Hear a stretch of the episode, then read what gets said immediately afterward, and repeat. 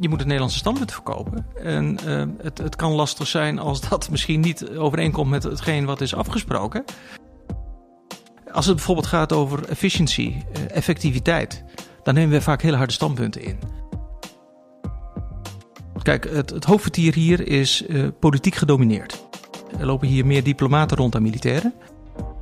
Dat is aan de ene kant best wel, wel interessant, omdat uh, er is een aantal uh, diplomaten hier die helemaal geen militaire achtergrond of kennis hebben. En dat, dan word je dus gedwongen om in heel eenvoudige taal om dat eens goed uit te leggen. Welkom bij Mijn Missie, de wekelijkse interviewserie van Landmacht FM. Mijn naam is Patrick Regan. Kolonel Wiebe Baron is stafofficier bij de permanente militaire vertegenwoordiging van Nederland naar de NAVO en EU in Brussel. We spreken hem over zijn rol binnen het bondgenootschap, de combinatie EU-NAVO en de Nederlandse internationale militaire samenwerking. Welkom, Wiebe. Dankjewel. Ook dank dat ik de mogelijkheid heb om uh, wat vragen te beantwoorden. En om iets uit te leggen over de functie hier. Want ik werk hier in een hele dynamische omgeving. Uh, nationaal, maar ook internationaal. En uh, ik vind het leuk om dat ook met anderen te delen. Vertegenwoordiger van Nederland naar NAVO. Ben je dan niet eigenlijk gewoon professioneel koffiedrinker? Dat zou je kunnen denken, maar um, ik weet niet of dat erbij hoort. Maar je zit hier op het NATO-hoofdvertier. Um, bij het hoogste politieke orgaan, de uh, Noord-Atlantische Raad. En daar wordt Nederland op het hoogste niveau vertegenwoordigd door een ambassadeur. En daar behartigen wij de Nederlandse belangen, ook voor de Nederlandse krijgsmacht. En ook voor het Nederlandse veiligheidsbeleid. En uh, daar hoort af en toe koffie drinken met collega's waarschijnlijk bij. Maar uh, wat hier vooral belangrijk is, is dat in alle belangrijke dossiers die hier voorbij komen, wij die Nederlandse standpunten goed inbrengen en proberen te realiseren. Het is de permanente militaire vertegenwoordiging. Um, op heel erg bazaal niveau, echt basic level. Wat doen jullie de hele dag dan? Nou ja, wat wij doen is, um, dat moet ik misschien eerst even uitleggen, is dat op, je dit, op dit niveau heb je dus de, de, de hoogste politieke vertegenwoordiger, het hoogste politieke orgaan, de Noord-Atlantische Raad, maar die wordt geadviseerd door het militair comité. En het militair comité, eh, daarin zitten alle vertegenwoordigers van de 29 NATO-lidstaten, dus ook Nederland. En Nederland wordt daarin vertegenwoordigd door de hoogste permanente militaire vertegenwoordiger. En dat is op dit moment generaal van der Laan, generaal van de Koninklijke Landmacht. En um, die heeft vijf stafofficieren en ik ben er één van. En ik steun dus generaal van der Laan in allerlei dossiers die hier voorbij komen. En waar uh, Nederlandse standpunten moeten worden behartigd. En um, in mijn geval zijn dat dossiers op het gebied van planning en capabilities. Uh, kijk je dus vooruit. Uh, hoe gaat die NATO er in de toekomst uitzien? Wat heeft dat voor consequenties voor de krijgsmacht? En dat heeft ook onmiddellijk zijn weerslag op de Nederlandse krijgsmacht. Dus um, uh, het is belangrijk om aan die dossiers bij te dragen. En ook om de Nederlandse krijgsmacht voor te bereiden op de ontwikkelingen die hier worden bedacht.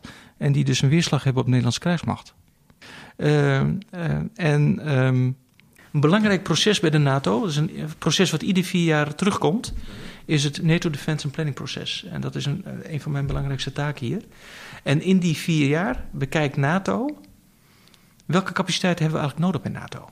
Hoe, hoe sterk moeten we zijn? En dan gaan ze vervolgens kijken, als we weten hoeveel militaire capaciteiten we moeten hebben, dus materieel en personeel, hoe gaan we dat verdelen over de landen? En dat heeft onmiddellijk zijn uitwerking op Nederlands krijgsmacht. Want de NATO zegt dan, hey, dit, dit, deze capaciteit hebben we nodig. We hebben x aantal fregatten nodig, x aantal bataljons. En daar moeten we aan voldoen. En als we er niet aan voldoen, dan, net als die 2%, dan moet Nederland, die wordt ter verantwoording geroepen. En die moeten zeggen waarom we dat niet doen. Nou, en in dat proces uh, speel ik hier een, een, cruciale rol. Dat is heel erg belangrijk. En ze kijken bij die verdeling, kijken ze altijd naar, een, een ook een, naar de burden sharing. En uh, dat iedereen ook in relatief uh, een evenredige financiële bijdrage levert. Maar ze kijken ook naar een logische toewijzing van capaciteiten. Een landlocked land, zoals Tsjechië, waar geen, die niet omgeven wordt door een zee, zullen ze nooit tegen zeggen: je moet fregatten aanschaffen. Uh, Nederland natuurlijk wel. Nederland zullen ze met name zeggen. Um, uh, de, de verdeling over de, de, de drie domeinen: uh, land, lucht, zee. En nu overigens ook cyber gebruiken.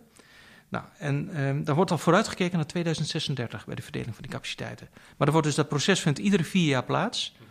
En binnen die vier jaar worden er steeds uh, worden die, die capaciteiten iets bijgesteld. Ook op, op basis van bijvoorbeeld de dreiging die er is. En uh, zo zie je dat die capaciteiten nu langzaam wat toenemen. En omdat ze langzaam wat toenemen, heeft dat ook consequenties voor Nederland. Want dat kan natuurlijk ook alleen maar als we er in Nederland geld bij krijgen. Zo ver naar voren kijkend. Ja. 2036, dat is dus 17 ja, jaar? Ja, ja. Nou ja, goed, omdat ze tegen Nederland zeggen van je moet een, een, een x aantal uh, landcapaciteiten beschikbaar hebben. Dat, dat hebben we morgen niet op de plank liggen. Die, die capaciteiten moet je dan verwerven, uh, moet getraind worden. En het is niet zo dat ze alle capaciteiten dan in 2036 moeten hebben, maar het wordt verdeeld over die tijdbalk. En een aantal capaciteiten hebben we nu al, uh, natuurlijk. En daar bouwen we op voort. Maar uh, nieuwe generatie vliegtuigen, 50, de nieuwe generatie vliegtuigen nu, die, die worden nu ingebed in de plannen tot 20, 2036. Over het algemeen, wat de NAVO van ons vraagt, staat Nederland daar positief of moeilijk tegenover? Nou, je ziet omdat als je dit nou zou vertalen naar geld, dan zou dat betekenen dat wij aan een defensiebegroting er zoveel geld meer bij moeten hebben, dat er dan op die 2% zouden uitkomen. Nou, daar komen we niet bij uit. We hebben nu een begroting van 10, 11 miljard. Er zou dus 5, 6 miljard bij moeten komen. Dat komt er niet bij. Dus wat NATO aan ons vraagt, dat kunnen we op basis van de huidige begroting niet leveren. En uh, ja, dat, dat, dat, dat, dat zal dan ook zo door NATO worden geconstateerd. Maar we proberen ons er wel, en dat was in het verleden wel minder, er wel steeds meer aan te houden. Aan wat NATO aan ons vraagt, dat willen we ook gaan aanschaffen. Maar dat is een heel belangrijk. En dat is een van de basisprocessen bij, uh, bij NATO. En die dossiers die jij er straks noemde, kun je daar wat voorbeelden van geven? Nou, actuele dossiers zijn bijvoorbeeld, en dan kijk je even naar de gewijzigde veilige situatie hè, sinds 2014, zowel naar het oosten toe, uh, maar ook vanuit het zuiden, uh, de terrorisme.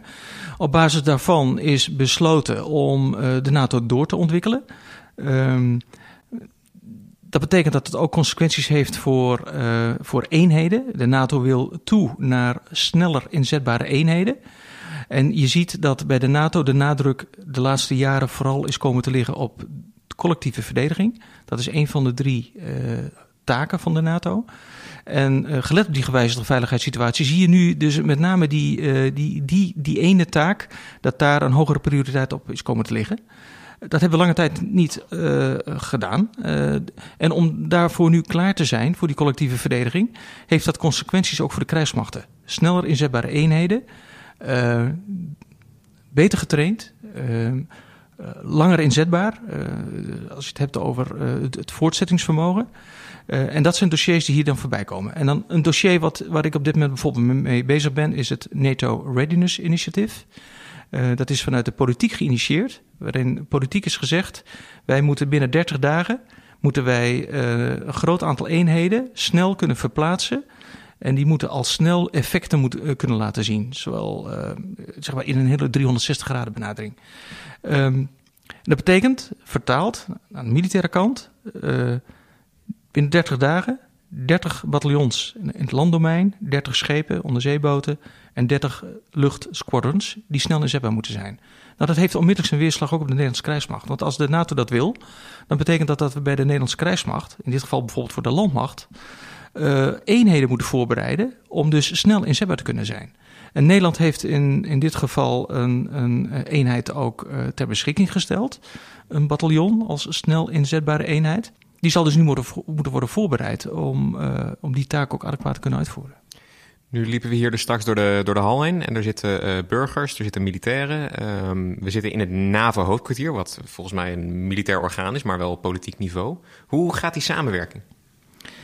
Ja, in uh, mijn ervaring is dat die, die samenwerking heel goed, goed loopt. Kijk, het, het hoofdkwartier hier is uh, politiek gedomineerd. Er lopen hier meer diplomaten rond dan militairen.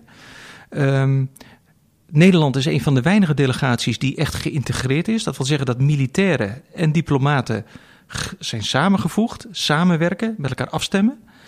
Uh, maar je ziet dat natuurlijk het belangrijkste, um, of de besluiten worden genomen door de politiek. Maar die politiek moet geadviseerd worden, omdat zij geen kennis hebben van militaire activiteiten. En daarvoor zijn wij als militairen toegevoegd aan deze delegatie, onder leiding van de permanente militaire vertegenwoordiging, generaal van der Laan. Ehm, nou ja, wil je dat doen, wil je goed advies kunnen geven, moet je natuurlijk goed met elkaar kunnen samenwerken. Dus je ziet dat al die dossiers die eerst aan de militaire kant worden behandeld, door mij, bijvoorbeeld dat Readiness Initiative, wat ik net noemde, dat komt nadat we dat voorzien hebben van een militair advies, komt het aan de politieke kant terecht, omdat aan de politieke kant uiteindelijk daar een besluit over moet worden genomen. Maar je ziet dat voordat het naar de politieke kant toe gaat, dat ik hier intern al met de diplomaten van BZ dit al voorbespreek. En, uh, en zo ook al waarschuw van, hey, dit komt straks naar jullie toe. Uh, dit zijn de scherpe punten, dit is het Nederlandse standpunt. Uh, en zo gaat het eruit zien. En dit zijn de consequenties voor de krijgsmacht. Ja, ja. En zijn die diplomaten, waarderen die het militaire advies? Of vinden die het moeilijk dat die militairen ook weer zo'n mening hebben? Nee, kijk... Ehm, omdat ze, uh, ik moet overigens zeggen dat de diplomaten die hier werken over het algemeen ook um, wel ervaring hebben uit het militaire domein. Een aantal diplomaten heeft ook bijvoorbeeld op het ministerie van Defensie gewerkt, bij de directie politiek. Uh, of op het ministerie van Buitenlandse Zaken uh, in de, zeg maar, aan de veiligheids- en, en defensiekant. Dus die zijn niet onbekend met defensie. Dus ze weten echt wel, ze hebben er wel een goed gevoel voor. Uh, en hebben ze dat niet, dan, dan zijn wij er juist voor om ze dat advies te geven. En um, dat is aan de ene kant best wel, wel interessant, omdat uh, er is een aantal uh, diplomaten hier die helemaal geen militaire achtergrond of kennis hebben. En dat, dan word je dus gedwongen om in heel eenvoudige taal om dat eens goed uit te leggen. En af en toe zijn er dan zaken die je zelf heel logisch vindt als militair, omdat je al zo lang bij dit bedrijf werkt. Maar voor een diplomaat helemaal niet. En, en dan moet je dat nog eens een keer uitleggen. En, en, en dan word je wel even geconfronteerd met het feit uh, van... hé hey, ja, uh, het is allemaal niet zo, zo uh, eenvoudig als dat het lijkt. Moet je dan als militair ook een beetje een soort van halve diplomaat zijn om dit te kunnen? Een klein beetje in hun schoenen kunnen gaan staan, wijze van spreken? Ja, ik denk wel dat je een, een, een diplomatieke antenne moet hebben als je hier gaat zitten. Um, um, want je werkt hier toch in een omgeving waar het compromis belangrijk is. En als je nu kijkt echt als militair eh, in het veld, eh, operaties, eh, dan is de opdracht van de commandant natuurlijk leidend. En dan, is er, dan ga je niet nog eens een keer onderhandelen. Dat doe je hier wel. En dat is wel het grote verschil. Dus je moet die knop wel even omdraaien als militair. En je wel realiseren dat je hier in een hele andere omgeving zit. En dat merk ik bijvoorbeeld ook bij de dossiers die ik hier behandel.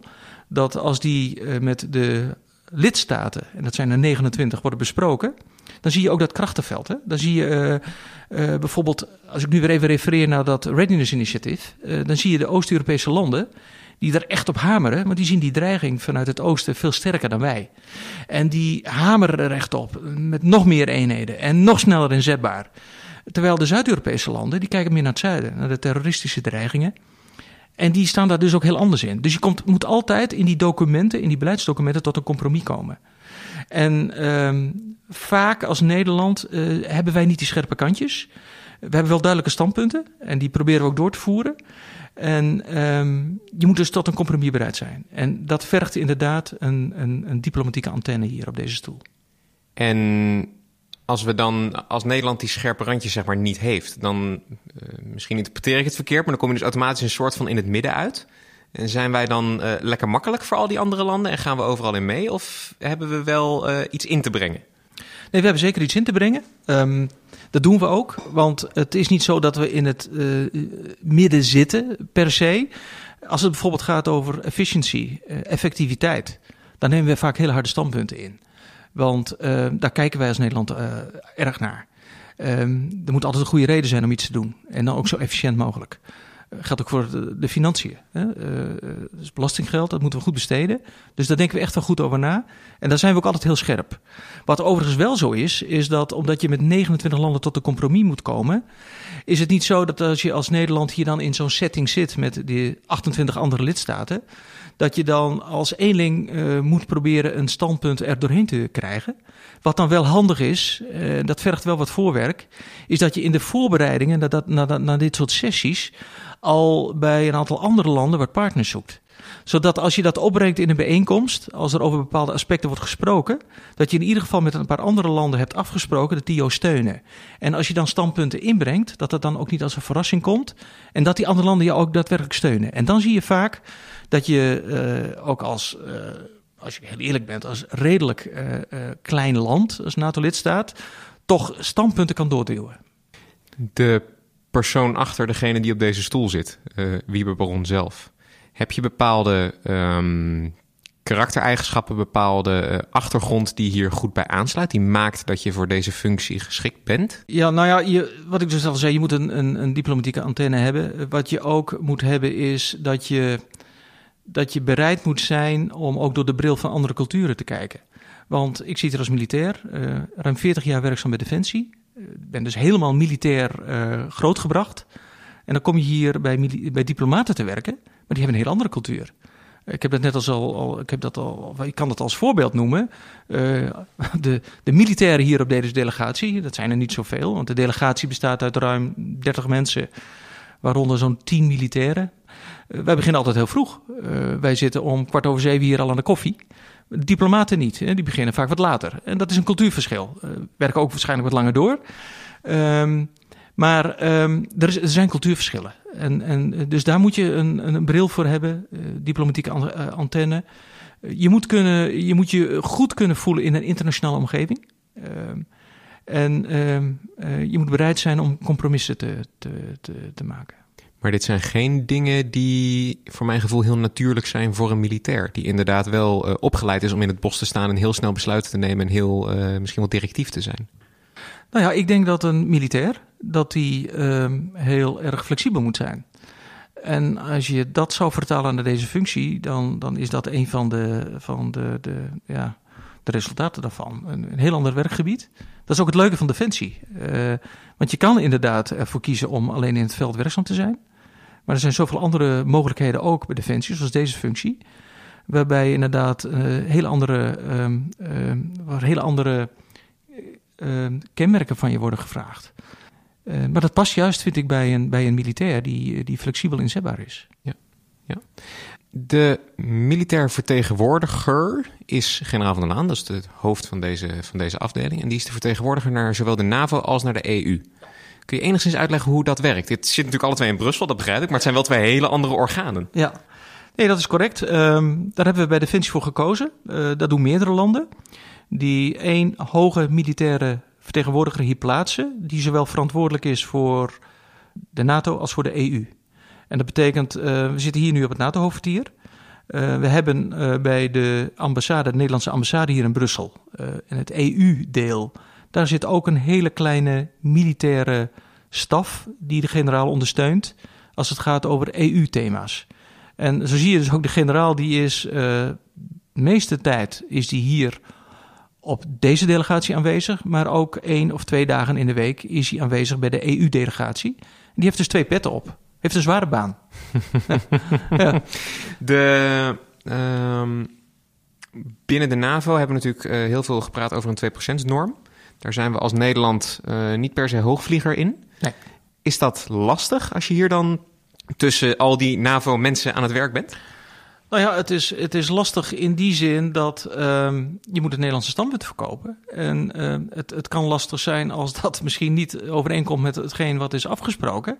Maar het is wel zo dat we als Nederland natuurlijk wel proberen naar die 2% toe te werken. En uh, daar voldoen we niet aan.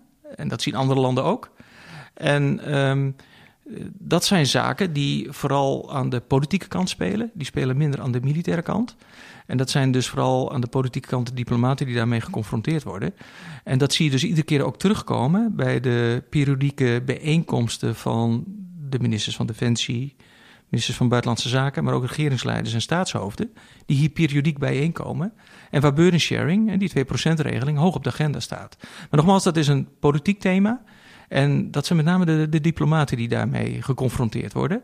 En ik heb in, in mijn dagelijkse werk daar, uh, heb ik daar eigenlijk minder last van. Want als je kijkt naar mijn thema's, zoals readiness, uh, dan zie je dat de Nederlandse krijgsmacht weer wel uh, bijdraagt.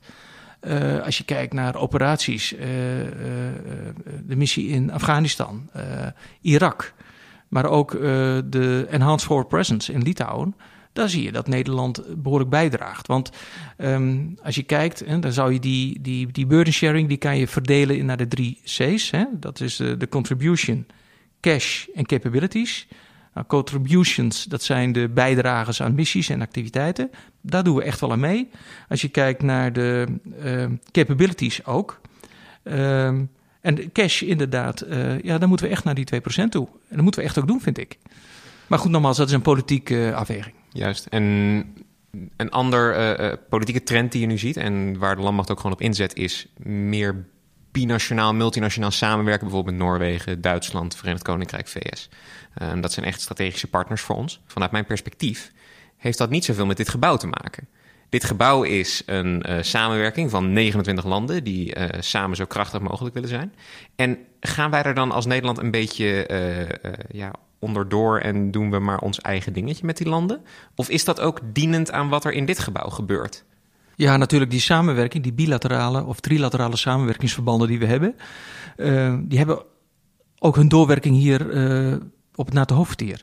Want uh, als je bepaalde dossiers hier bespreekt, die uh, enige relatie hebben met die, met die bi- of trilater uh, trilaterale samenwerking, of multilaterale samenwerking, dan stem je wel met die landen af. En je hebt zeg maar heel veel contacten ook met. ik heb heel veel contacten met mijn maatjes bij de Duitse delegatie, de Noorse delegatie.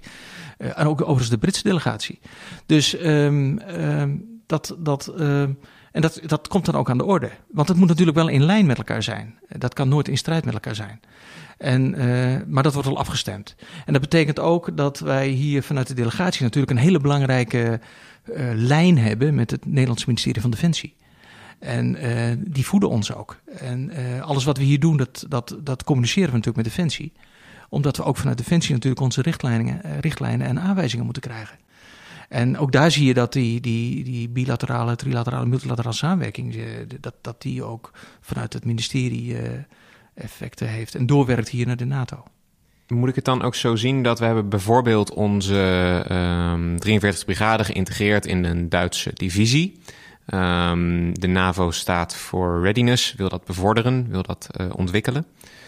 Op die manier dragen wij dus eigenlijk met onze multinationale samenwerking en doordat wij die integratie al gedaan hebben, op een makkelijkere manier misschien bij aan wat de NAVO doet.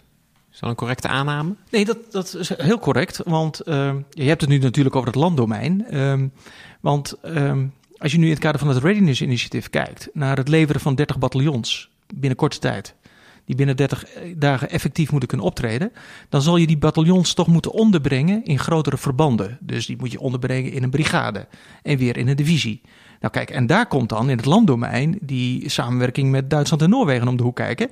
Want als wij een bataljon beschikbaar stellen, dan willen we dat natuurlijk dan ook onderbrengen. Dat zou ook het makkelijkste zijn in een combinatie met de Noorden en de Duitsers. En daar zie je dus weer dat dat uh, onmiddellijk terugkomt, die, die, die trilaterale samenwerking.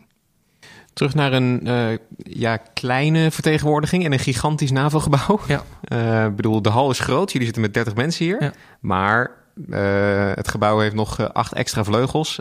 ik weet niet hoeveel mensen hier werken, maar het zal vast in de duizenden komen. Um, kunnen jullie iets bijdragen voor Nederland? Of zijn jullie een heel klein schreeuwend ettertje wat ergens rondrent en wat roept? Nee, wij kunnen zeker wat bijdragen. Alleen je moet dat van tevoren met andere landen afstemmen. En dat maakt je sterk. Als je een bepaald idee hebt, dan zal je dat nooit direct en onverwachts in een werkgroep hier moeten inbrengen als je voor het eerst een thema gaat bespreken. Dan moet je voordat zo'n thema wordt geagendeerd, al achter de schermen met een aantal partners voorbereiden. Partners waarvan je weet, hier, die steunen mij. En als je dus, zo, zo zijn wij in het verleden ook best wel met ideeën gekomen. En dan zie je dat we dat afstemmen met een aantal landen. Er zit bijvoorbeeld ook Italië bij, maar natuurlijk uh, Duitsland, Noorwegen, Groot-Brittannië, uh, België, Luxemburg. Uh, en je merkt dan dat zodra je dat in een bijeenkomst met de 29 landen aan de orde stelt, dat die landen meteen interveneren en jou meteen steunen. Nou, en dan is het vrij makkelijk um, om standpunten echt door te zetten. En dan heeft uh, toch zo'n kleine vertegenwoordiging een hele grote, misschien wel diplomatieke waarde voor Nederland. Absoluut. Absoluut. En je merkt ook dat de ene delegatie gewoon wat actiever is dan de andere. Uh, want er zijn meerdere kleinere delegaties, maar die zijn vaak heel reactief. Uh, die zeggen nooit wat in de vergaderingen en die vinden het allemaal wel prima. Is, is op zich ook niks mis mee. Uh, maar wij als Nederland, is misschien ook een beetje ons karakter. Wij willen altijd meedoen. We zitten altijd op de voorste rij en komen altijd met ideeën. Vaak frisse, nieuwe ideeën. En, en je merkt ook dat andere landen dat ook wel weten. En, en die verwachten dat inmiddels ook van ons. Maar dat maakt het werk hier juist heel leuk. Want je kan echt uh, uh, eigen ideeën die je natuurlijk wel even afgestemd hebt met het ministerie van Defensie, die kan je hier inbrengen. En dat is heel erg leuk. Je zei net, maak, het werk hier heel leuk. Uh, ik ken je achtergrond een beetje, vrij internationaal volgens mij. Ja, dat klopt. Ja, ik ben als, na de officiersopleiding als cavalerist begonnen. En ik heb gewoon mijn normale startfuncties gedaan. Dus pelotonscommandant, plaatsvangend eskadronscommandant. Toen nog in een hele andere periode met dienstplichtigen. Maar toen werkte ik al in Duitsland. Toen werd ik gestationeerd in Langemanshoofd bij het 43e Tankbataljon. Nou, ik heb een geweldige tijd gehad. Uh, ik ben enkele jaren daarna rechten gaan studeren. En ik heb een uh, master Nederlands recht gehaald. En ben toen overgestapt van de cavalerie naar de militaire juridische dienst. Ik heb toen een aantal juridische functies gedaan. Ook heel erg interessant. Uh, om bijvoorbeeld uh, de staatssecretaris en de minister te vertegenwoordigen bij de Centrale Raad. In juridische zaken. Dat was ook een interessante periode. Maar heb daarna toch, zeg maar de laatste 15 jaar, vooral algemene functies vervuld. En uh, vooral in Duitsland. Uh, nou zijn we als landmacht natuurlijk sterk gelieerd in Duitsland. Dat is natuurlijk begonnen bij mij, als je dat naar mij toe vertaalt, mijn functie, eerste functie in, in. Maar ik heb daarna ook um, um, vier jaar lang als Duitsertje gewerkt, als Nederlandse uitwisselingsofficier op het Duitse ministerie van Defensie, bij de afdeling politiek. Echt als Duitsertje. Nou, dat vond ik op zich al geweldig dat Nederland, of Defensie, mij die mogelijkheid bood. Maar je ziet dat de krijgsmacht uh, vaak uh, in het kader van die uitwisselingen dat soort mogelijkheden biedt. Nou, zo ben ik op het Duitse ministerie van Defensie werkzaam gewe geweest. En dat heeft mij een enorm netwerk doen opbouwen. En dat heb ik weer kunnen gebruiken om daarna defensieattaché te worden. Ook weer in Berlijn, vier jaar lang. Dus ik heb in totaal acht jaar in Berlijn gewerkt en gewoond. met mijn gezin. kinderen zijn er opgegroeid. en verduidst. Maar allemaal met een, gewoon een geweldige ervaring. En, en ja, dat Duitse netwerk, dat, dat, dat, helpt mij hier ook weer op dit hoofdkwartier. Maar inderdaad, veel, veel internationale functies. maar nogmaals, die mogelijkheden biedt Defensie. En daar heb ik gebruik van gemaakt. En dat is hartstikke leuk. En qua persoonlijke ontwikkeling, wat brengen dat soort buitenlandfuncties een mens? Naast natuurlijk het feit van een netwerk en je leert een taal en allemaal van dat soort dingen. Nou ja, wat het je vooral meebrengt is dat je goed leert kijken hoe andere culturen, andere landen denken over bepaalde thema's. Uh, in dit geval over militaire thema's. Dat kan wezenlijk anders zijn dan hoe wij daar in Nederland tegenaan kijken. En uh, het vergroot dus je zicht naar buiten toe. in die zin ontwikkelt je dat. Um, en um, in, in, een internationale omgeving werken, um, ook dat is hard werken. Want wij worden echt wel hier, we moeten hier echt wel aan de bak op dit hoofdkwartier. Omdat we hier maar met een hele kleine delegatie zijn. Maar, dus het is hard werken. Maar in, in een internationale omgeving, uh, dat brengt toch een extra dimensie met zich mee. En, en ook voor je eigen ontwikkeling. En dat is gewoon heel erg leuk. Onwijs bedankt voor het luisteren. Mijn gast vandaag was kolonel Wiebe Baron. Ben je nou fan van de show? Help ons door een review achter te laten op Apple Podcasts of Stitcher. Of raad de show aan bij vrienden en familie. Volgende week spreek ik met kadetsergeant Tim. Hij zit in de laatste weken van de korpmodel officiersopleiding en gaat binnenkort binnen de landmacht aan de slag in het Communication and Engagement werkveld. Wat dat is, legt Tim volgende week zelf uit. Mijn missie is een productie van de Koninklijke Landmacht. Nieuwe afleveringen komen iedere maandagochtend online en je vindt ze in de meeste podcastspelers. Je volgt de Koninklijke Landmacht via Twitter, Instagram, Facebook en YouTube en check defensie.nl voor het laatste nieuws rondom de krijgsmacht. Nogmaals bedankt voor het luisteren en tot volgende week.